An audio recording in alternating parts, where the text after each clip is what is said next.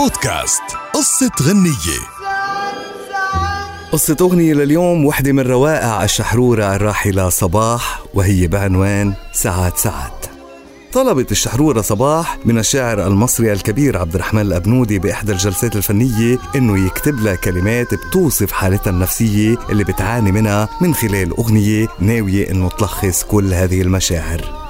وطلبت انه الأغنية تجسد وحدة من قصص الفشل العاطفي اللي صباح خلال حياتها وخاصة بعد انفصالها عن زوجها المسرحي اللبناني وسيم طبارة وهو الجانب العاطفي المؤلم اللي تكرر أكثر من مرة بحياتها وكان السبب بعدم استقرارها وسبب لها أوجاع مريرة لأنه دايما كانت تكتشف أنه اللي ارتبطوا فيها أرادوا الاستفادة من اسمها ومن شهرتها بدون ما يكون في بقلبهم عواطف حقيقية وحب صادق لشخصها مش لشهرتها. وهالأغنية اللي أدتها صباح وبكيت فيها بصدق شديد بالرغم من إنها كانت نجمة الدلع والفرح ومن فيلم ليلى بكى فيها القمر اللي شاركها البطولة الفنان الوسيم حسين فهمي عام 1980 ولخصت قصة فشل قصة عاطفية كانت بتعتقد صباح إنه طرفها الثاني بحبها لشخصها ومش لشهرتها. كلماتها كتبها خصيصا الشاعر عبد الرحمن الأبنودي ولحنها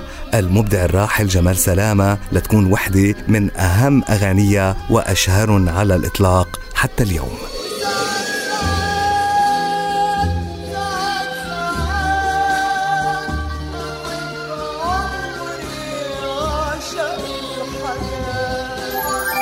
بودكاست قصة غنية.